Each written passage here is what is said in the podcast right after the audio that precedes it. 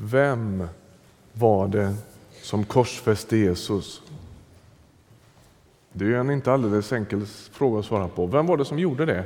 Å ena sidan så vet vi att korset är en, ett romerskt avrättningsredskap. Så i någon mening så är romarna delaktiga. Vi vet också, vi hörde i texterna här att de judiska religiösa ledarna var kanske mest angelägna om att det här skulle äga rum. Pilatus som var landshövding avkunnade domen. Men vem bär egentligen skulden för Jesu död?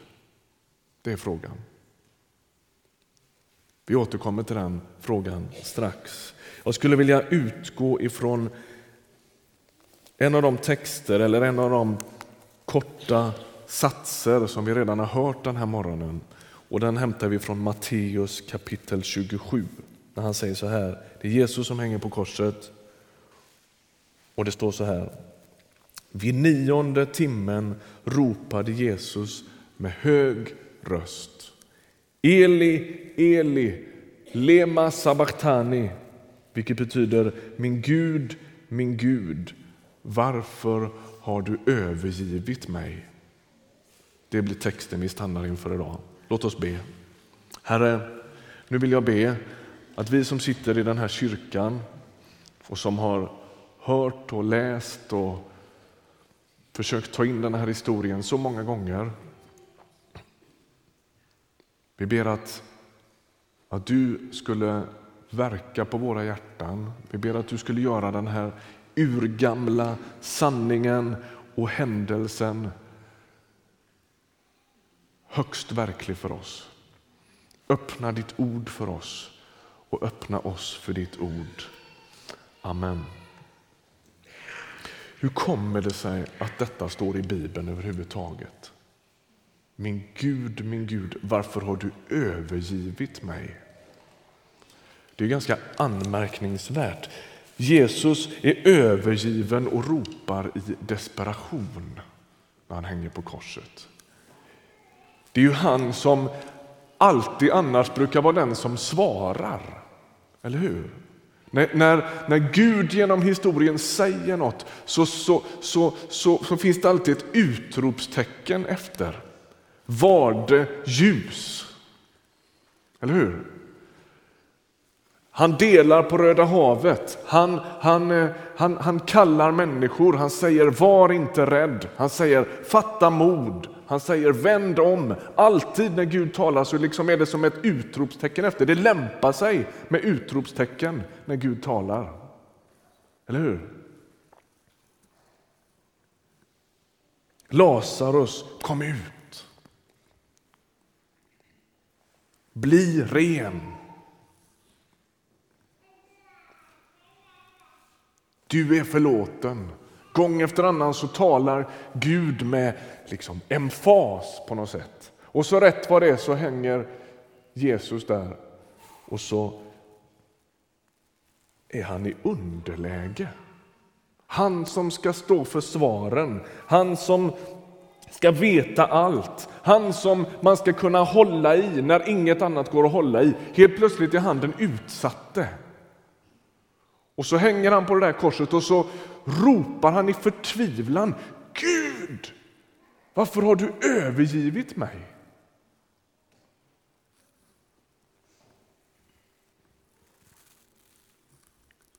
Den förtvivlade, utlämnade räddaren och frälsaren. Hur går det ihop? Hur ska man förstå det? Han som är källan till allt liv, han hänger övergiven. Han som är givaren av all kärlek, han är ensam. Han som är allas fader, han är plötsligt isolerad, utsatt, i desperation. Varför säger han så? Drabbas Jesus plötsligt av någon sorts tvivel där. Tänk om Gud inte är med i detta. Är det det som händer? Nej, jag tror inte det är det som händer. Det är något mycket djupare som händer. Syndens yttersta konsekvens är ensamhet. Människan i sin synd går sönder. Relationerna går sönder. Livet faller isär. Livet brister. Och inte minst i det samhälle som vi lever i så är kanske ensamheten en av de största eh, sorgerna. Eller hur? Människor kan ligga i sin lägenhet och dö utan att någon vet det. Människor mitt i en stor stad med massvis med folk eh, känner sig ensamma. Ensamheten är någon sorts liksom, folksjukdom på något sätt. Vad är det som händer när Jesus ropar Min Gud, varför har du övergivit mig? Låt oss gå till Johannes evangeliet. När Jesus kommer till Jordan för att bli döpt så står Johannes döparen och så säger han så här. Nästa dag såg han Jesus komma och han sa Där är Guds lamm som tar bort världens synd. Hur tar han bort den?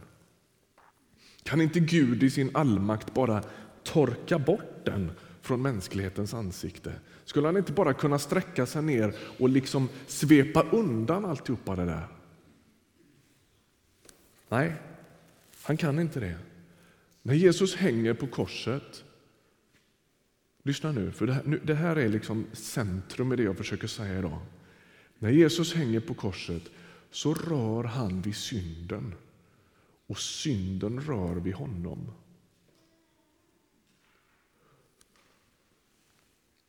Och vad är det som händer när man ger sig åt synden? Man blir förvirrad. Man blir ödelagd. Man blir en skeppsbruten människa. Och djupast sett blir man faktiskt övergiven.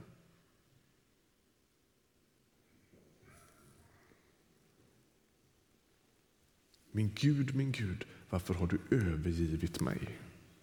Vad är det som händer där? Det är som om Jesus kommer i sån närkontakt med världens och mänsklighetens djupaste problem att han faktiskt identifierar sig med det. Paulus han beskriver det så här, andra Korintierbrevet 5, så säger han så här. Om man får ha favoritversar, då är detta en sån. Jag tror man får det. Han som inte visste vad synd var. Honom gjorde Gud till ett med synden för vår skull, för att vi genom honom skulle bli till ett med Guds rättfärdighet. Alltså, Paulus beskriver den händelse när Jesus hänger på korset som att han blir gjord till synd. Han, blir, han identifierar sig så djupt med den mänskliga synden att han faktiskt liksom klär på sig den. Och i det ögonblicket, när Jesus hänger där och ropar Min Gud, varför har du övergivit mig? Så står han under Guds dom. Han bär hela övergivenheten, han bär hela smärtan, han bär hela brustenheten. Skeppsbrottet som varje människa har lidit, det bär han när han, när han hänger där på korset. Han blir den övergivne. Och det är inte bara någon sorts känsla hos honom, utan det är en, det är en faktisk verklighet. Gud det, det, det, skadas något i det ögonblicket. Det smyger sig in en sorts främlingskap i Jesus sätt att be. Jag vet inte om du noterar det. Men alltid tidigare genom texterna så ber Jesus Fader, som heter Abba på arameiska. Abba, Fader, en väldig innerlighet. Han, han liksom lär lärjungarna att be innerligt. Men när, när Jesus hänger på korset så ber han inte så. Han ber min Gud. Märker du att det har smugit sig in någonting där? En sorts distans. En sorts brist på innerlighet. Det har kommit något främmande över hans förhållande till Fadern. Distans, ensamhet och till och med övergivenhet.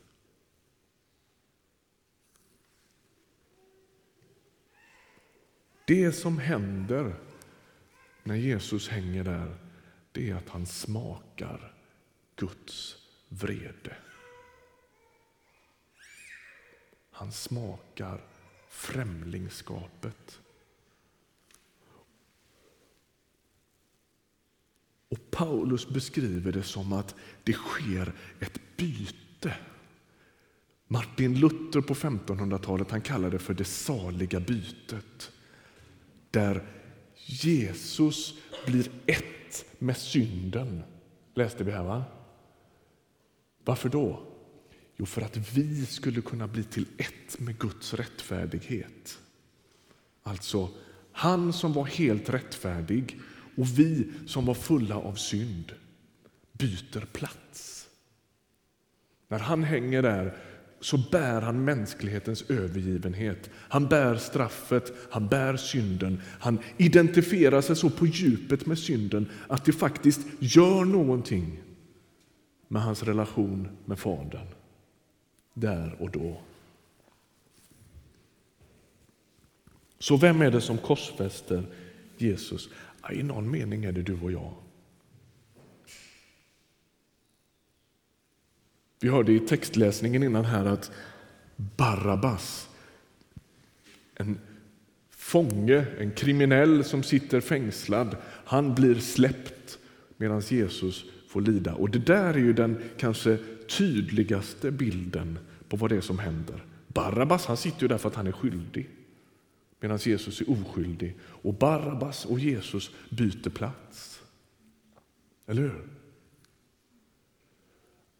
Alla som sitter här inne är en Barabbas. Den dagen du sa, du kanske inte ens har gjort det än, den dagen du kommer att säga Jesus, jag tror på dig. Jag tror att du kan förlåta mig. Så byter du plats med Jesus. Han tar din ditt skeppsbrott, din brustenhet, din övergivenhet, din synd, din skuld. Och du får bli fri och ren. Han byter plats med dig. Du blir en förlåten människa.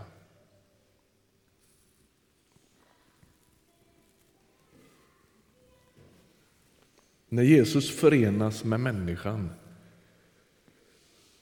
och när han dör på korset så identifierar han sig med våran synd. Och när vi förenas med Jesus identifierar vi oss med hans rättfärdighet. En man som heter John Owen han har uttryckt det på det här sättet. Vi själva har inte gjort något av det som tillräknas oss och inte heller Kristus har gjort något av det som tillräknas honom. Lite bra sagt?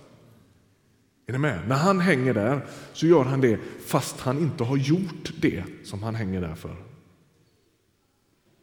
Och när vi står inför Gud, fria, förlåtna, så har vi inte heller gjort något av det som tillräknas oss. Vi byter plats.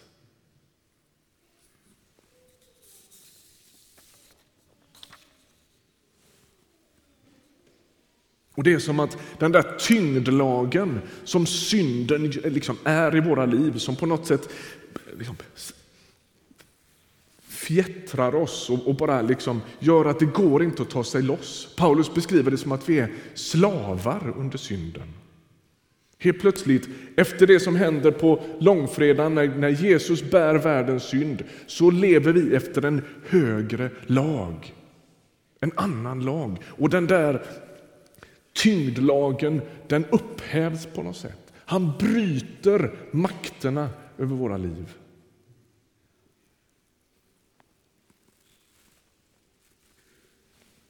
Förut var vi utanför, vi var de övergivna. Nu blir vi sluter vi fred med Gud. Synden handlar om något mer än om en olydnad mot Guds vilja. Syndens smitta gör oss främmande för Gud. Det är som att det går liksom inte att koppla ihop det. Det handlar inte om enskilda saker vi har gjort, utan det handlar om en sorts smitta som har berört hela våra liv.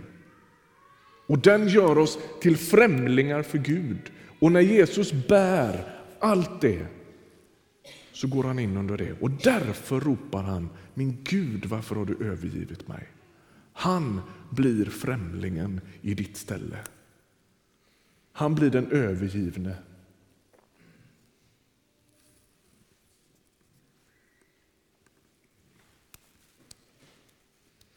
Och när Jesus ropar min Gud, min Gud, varför har du övergivit mig? Och hänger på det där korset och ger upp andan och dör så handlar det om att han tar itu med människans allra djupaste skada. Där och då går Jesus in och byter plats med mänskligheten.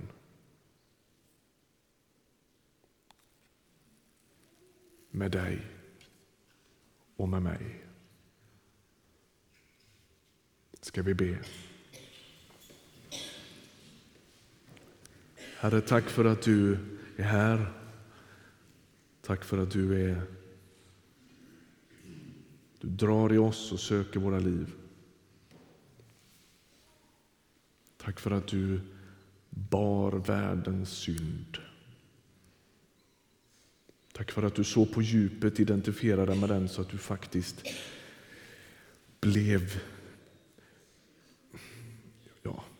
Vi vet ju inte riktigt, men vi anar att du gick längre än man kunde ana och tänka. Tack att du identifierar dig med vår djupaste smärta, vårt djupaste problem.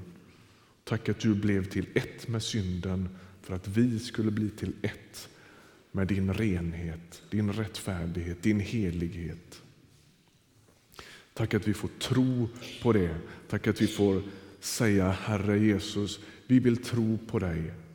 Vi vill följa dig och vi tror att du ensam kan bota våran skada. Amen.